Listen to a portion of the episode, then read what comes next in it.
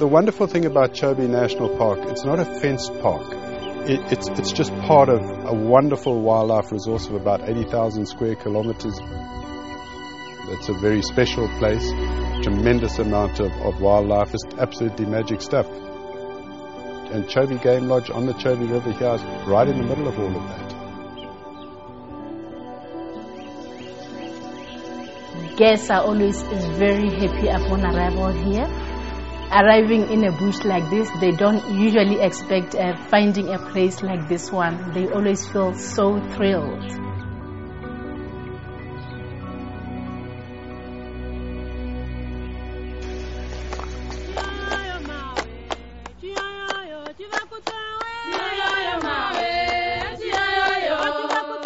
At Chobe Game Lodge, we actually just work as one team, one family, you know. We try to uh, make sure that, you know, we, we give that uh, a service uh, to, uh, to, make our guests happy. Now, it's not an easy uh, job, but we really try our, our best.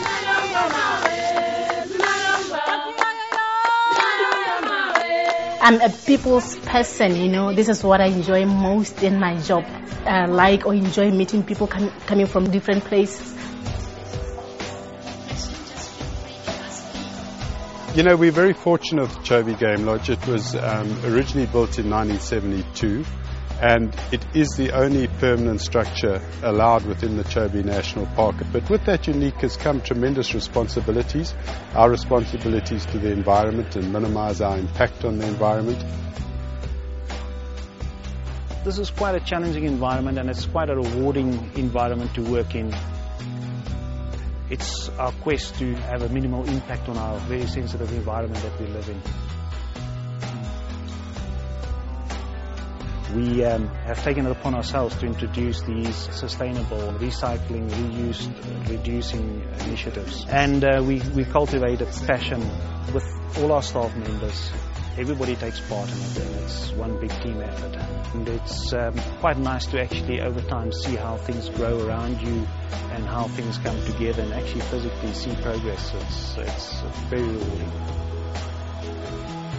What makes Chobe Game Lodge uh, unique, most unique, is its location. It's the only lodge situated in the park, the Chobe National Park.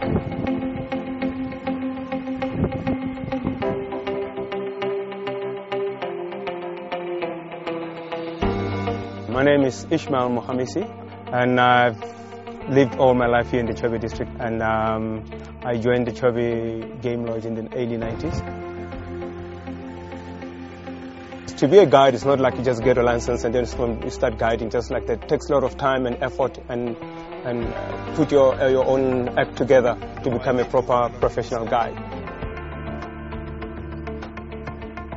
We have a lot of women who are interested in this uh, industry, but many of them they don't have any opportunity to be hired by any tour operators. So we came up and say, why don't we just support this motion? Uh, we can do it. Chobe Game Lodge, we are the only lodge which we have females guides throughout the country. I'm working at Chobe Game Lodge as one of the Chobe Angels. Being a woman doing this job, to me this is an empowerment. I know I can do it and I really believe in this. So this is girl power.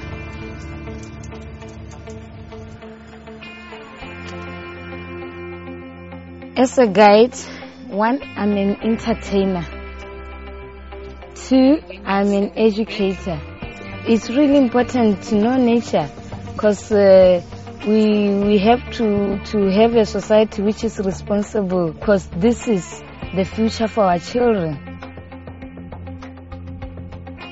Visit to, to Botswana is not really complete without a visit to the Chobe because it's such a special system on the Chobe River itself.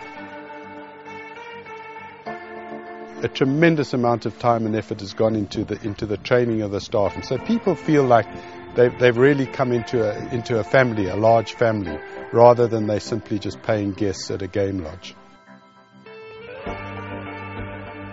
And I still believe that um, even the guests when they travel, what makes them to remember the area, it won't be the building, it's the people, which are the guides, the waiters, the management, all general staff. It's the people who makes the game lodge special. It's not the building itself, let me put it that way.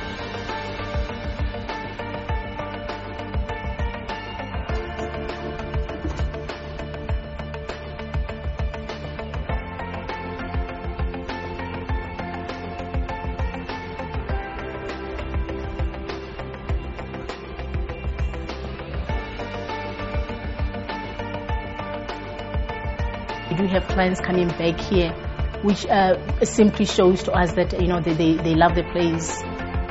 And there's nothing I enjoy like a guest departing and saying I'll be right back because of the enjoyment that I had at Chobe Game Lodge.